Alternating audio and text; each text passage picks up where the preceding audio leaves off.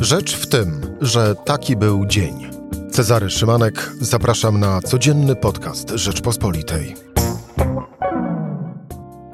Czwartek, 31 marca. Viktor Orban znów wygra.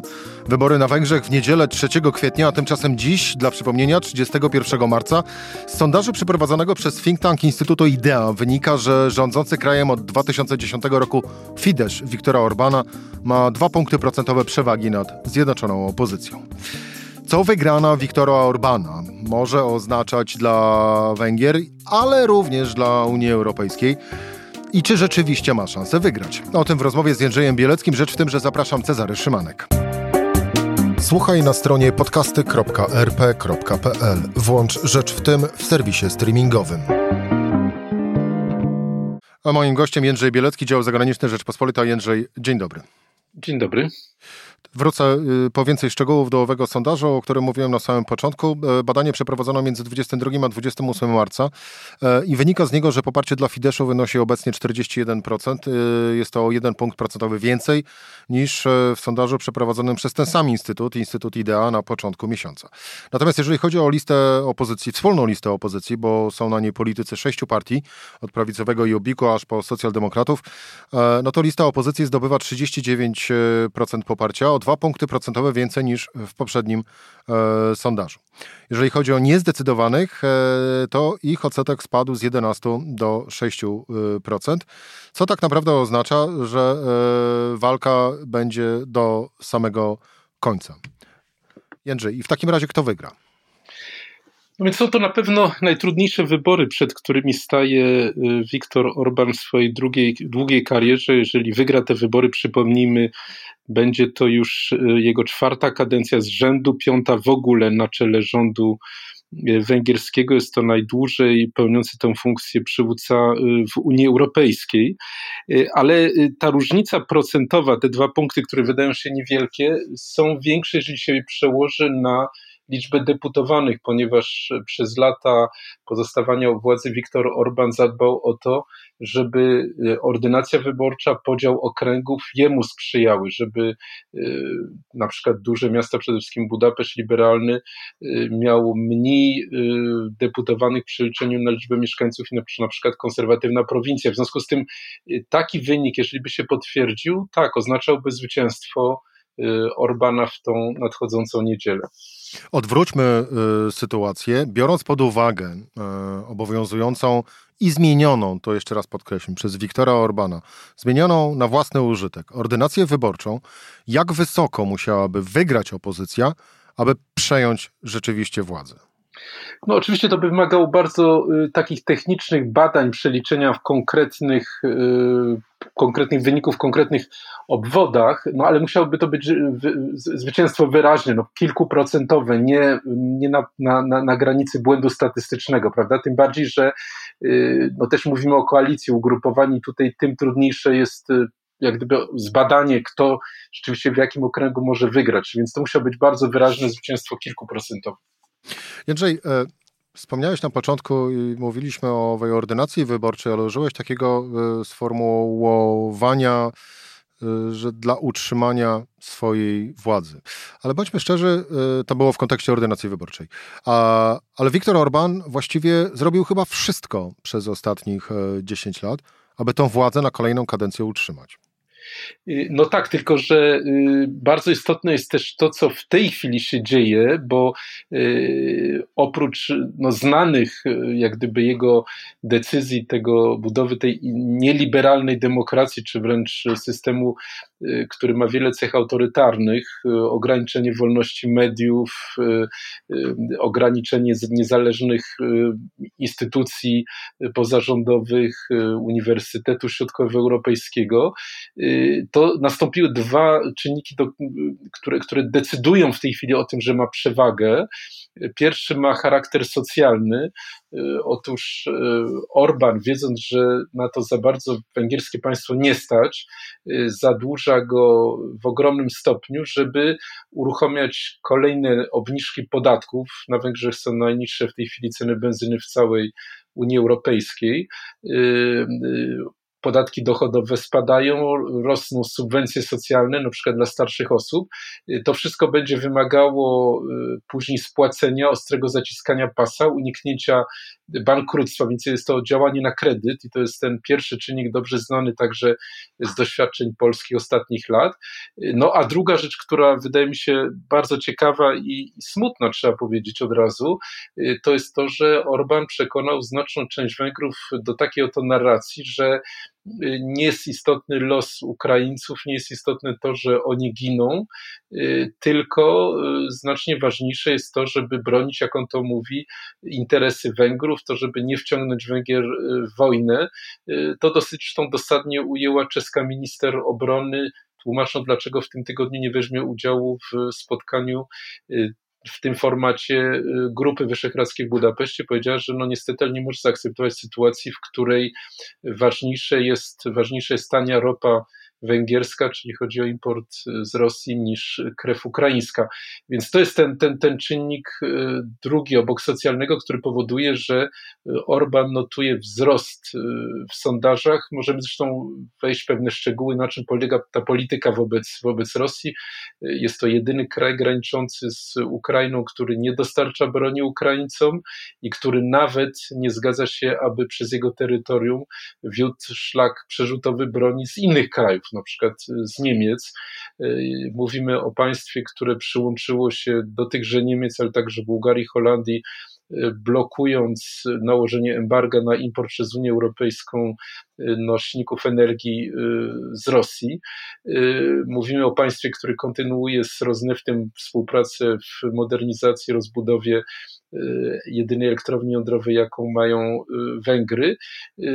Więc to, to, to jest kraj, który no, zdecydowanie wyróżnia się pod tym względem wśród państw Unii Europejskiej. Zresztą bardzo jasno to powiedział parę dni temu Wołodymyr Zeleński, prezydent Ukrainy, y, który y, rozmawiając z przywódcami y, Unii Europejskiej, każdego z nich się zwracał w ten sposób z pochwałą, że jesteście z nami, jesteście, popieracie nas, a do Orbana jako jedynego y, powiedział, że niech się zdecyduje, po której stronie on jest, czy jest po stronie Rosji, czy jest po stronie Ukrainy, na co Orban nie powiedział, że jest po stronie Ukrainy, tylko powiedział, że y, jemu powierzono obronę interesów węgierskich, a nie y, a nie ukraińskich. No i to ma oczywiście dalekosiężne efekty, będzie miał dalekosiężne efekty, czy już ma dla pozycji międzynarodowej Węgier Powiedzieliśmy przed chwilą, jakie, były, jakie będą skutki, jeśli wygra oczywiście Orban tej jego polityki socjalnej, mówiliśmy o tym zaciskaniu pasa, o, o, o, ryzyku bankructwa. Tutaj w tym przypadku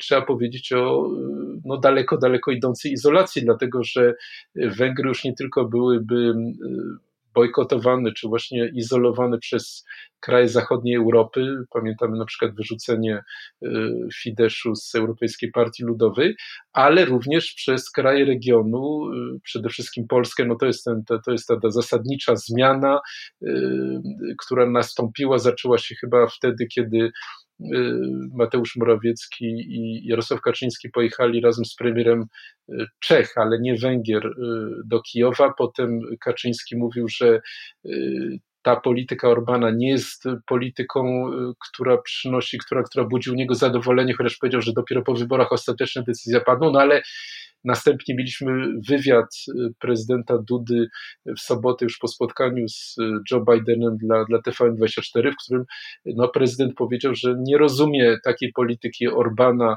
y, w obliczu tragedii ukraińskiej, śmierci cywilów, bombardowań i powiedział, że to jest polityka, która będzie kosztowała Orbana, cytat, bardzo drogo. No to oczywiście kompletnie zmienia pozycję Orbana w Brukseli, bo przecież przez lata Polska i Węgry wzajemnie się chroniły przed procedurą z y, artykułu 7, przed procedurą związaną z utrzymaniem praworządności. No a teraz, teraz wyraźnie widać, że no nie tylko nie będzie tej wzajemnej obrony, ale coraz głośniej się mówi o tym, że Bruksela mogłaby inaczej potraktować Polskę niż Węgry, y, że coraz mocniej mogłaby dostrzec to, że, że na Węgrzech no jest jednak powszechna korupcja. Mówimy o kraju, który znalazł się na 75. miejscu dopiero w rankingu Transparency International. Takiej korupcji, przynajmniej zdaniem Brukseli, w, w Polsce nie ma. No i oczywiście na rzecz Polski bardzo mocno gra te przyjęcie przeszło 2-2,5 miliona uchodźców e, ukraińskich, e, czego na Węgrzech również nie ma, więc to by było bardzo duża zmiana pozycji Węgier, właśnie taka, taka daleko idąca izolacja.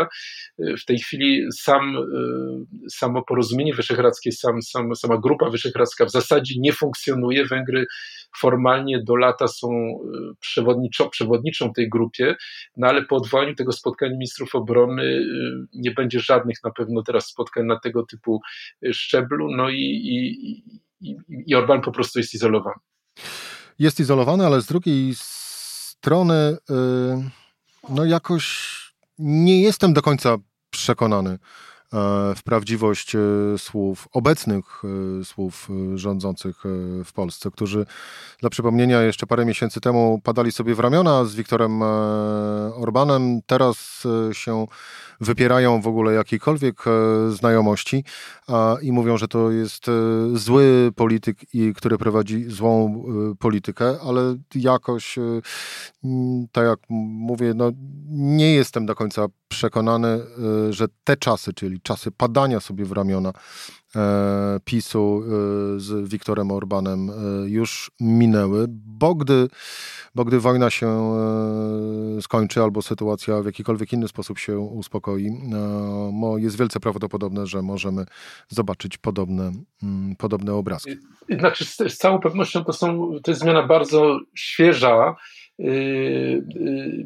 tutaj mi się wydaje, że w głowie Kaczyńskiego doszło do konfrontacji dwóch yy, porządków, dlatego że z jednej strony no, Orban był dla niego przykładem, jak zdobyć, utrzymać, umocnić władzę, jak iść na konfrontację z Brukselą, jak ograniczyć sferę wolności. To są te słynne jego słowa Budapeszt w Warszawie ale z drugiej strony też y, bardzo silna, chyba można powiedzieć, że silniejsza no jest pamięć brata, prawda? I, i Smoleńsk, także, przepraszam, wystąpienie Lecha Kaczyńskiego w Gruzji w 2008 roku, to go skłoniło do wyjazdu do Kijowa, no i, i w związku z tym ta pamięć powoduje, że y, no nie może współdziałać z, z, z Orbanem, więc mi się wydaje, że tutaj rzeczywiście jest pewna walka tych dwóch czynników, Y, utrzymanie władzy i metody i tak dalej, a z drugiej strony no to, to, to dziedzictwo antyrosyjskie. No i rzeczywiście, jeżeli wojna by się skończyła, to to wszystko mogło się wywrócić w, w dawne kolejny, no ale na razie niewiele wskazuje na to, że to będzie konflikt, który w ciągu kilku tygodni wygaśnie, czy nawet kilku miesięcy. Jędrzej, y, no, ja tak daleko i w tak niezbadane obszary jak y, głowa Jarosława Kaczyńskiego zaglądać nie będę, bo o wiele łatwiej chyba jest zajrzeć w przyszłość liczoną na przykład trzy miesiące, jeżeli chodzi o Węgry i w sytuacji, gdyby, załóżmy, opozycja wygrała. Co wtedy? No, wtedy oczywiście następuje y, wielka ulga, dlatego że największe zagrożenie dla y, spójności Unii Europejskiej, utrzymania jej wartości, szczególnie dzisiaj, kiedy, tak jak to powiedział tak pięknie i tak jasno Joe Biden w sobotnim wystąpieniu w Warszawie, no ważą się losy świata, czy wygra autorytaryzm chińsko-rosyjski, czy wartości liberalne, demokratyczne, praworządność amerykańsko-europejska, no to byłoby niesłychane wzmocnienie rzecz jasna tego, tego frontu i no można zaryzykować stwierdzenie, że otworzyłoby dynamikę, która mogłaby poprowadzić również do klęski PiSu w Polsce. Więc na pewno nie była to zła wiadomość to, byłaby, no, no, to byłoby fundamentalne wydarzenie dla, dla, dla Europy. A jeżeli chodzi o sprawy wewnętrzne Węgier? Y, no jeśli chodzi o sprawę węgierską, no to oczywiście to by trzeba było y, odkręcić, co byłoby niesłychanie trudne, ponieważ y, Orban wprowadził bardzo wiele bezpieczników tych zmian, które, które ustanowił, odkręcić no te, te, te zagrożenie, czy te, to w zasadzie ten proces odchodzenia od rządów prawa. No tutaj myślę o systemie finansowania partii politycznych, o tej ordynacji wyborczej, o której mówiliśmy, o niezależności sądownictwa, o przywróceniu, no to to też byłoby niesłychanie trudne przecież e, wolności mediów, no bo trzeba by w zasadzie te media całkowicie od nowa odbudowywać. To by było bardzo, bardzo trudne. No i też oczywiście, co jest najtrudniejsze, no to jest odchodzenie od nastawienia społecznego, prawda? To, co, to, co przez tyle lat węgierska, węgierska propaganda, do czego węgierska propaganda przekonywała Węgrów. No mówiąc najkrócej, Węgry są dzisiaj krajem, który najmocniej w Unii Europejskiej przeciwstawia się status quo, status quo również granicznemu, prawda? To znaczy, to jest cały czas to dziedzictwo porozumienia z Trianą sprzed 100 lat, które odebrało Węgrom dwie trzecie ich terytorium, no i to jest cała polityka takiego czy innego podważania tego, ty, ty, tych ustaleń. No znowu, to by zajęło bardzo wiele lat, żeby y, Węgrzy pogodzili się, czy, czy, czy wtopili w obecny porządek europejski. Więc na pewno byłby to, po, byłby to początek procesu, który trudno oczekiwać, że zakończył się, by się w ciągu jednej kadencji. No i wreszcie jeszcze jedna rzecz tutaj o tym, o tym wspomniałeś na początku, przedstawiając tą koalicję, która staje wobec, wobec Orbana, no to jest jednak koalicja bardzo egzotyczna od właśnie Obiku, który jest jeszcze bardziej na prawo niż Fidesz po y, socjaldemokratów, wywodząc się kiedyś z komunistów, więc pytanie, wielkie pytanie oczywiście, czy ta koalicja by przetrwała w tej dyscyplinie, która po raz pierwszy pozwalała, pozwoliła im wystawić jednego kandydata. No, podobno mawia się, że nic tak nie łączy jak wspólny przeciwnik. Jędrzej Bielecki, dział zagraniczny Rzeczpospolitej. Dziękuję Ci bardzo za rozmowę. Dziękuję najmocniej. E, to była rzecz w tym w czwartek. Kolejna e, w poniedziałek, czyli no właśnie, Jędrzej, e, kiedy poznamy pie, pierwsze, będą exit pole w niedzielę wieczorem? No będą, oczywiście, że będą, więc, e, no ale znowu tutaj przed chwilą mówiliśmy, czy w czasie naszej rozmowy wielokrotnie się przewijał ten wątek bliskości e, tych notowań, prawda, znaczy tych, tych, tych wyników, więc być może... Więc Może lepiej się nie przywiązywać do tych exit poli z niedzielnego wieczora, bo w poniedziałek rano może okazać się coś innego. Absolutnie tak. Tak czy inaczej, to, co się będzie na bieżąco okazywać, to oczywiście na stronach rp.pl. Jędrzej, raz jeszcze dziękuję. Cezary Szymanek, do usłyszenia po weekendzie. No właśnie, w poniedziałek, kiedy być może już będzie wszystko wiadomo.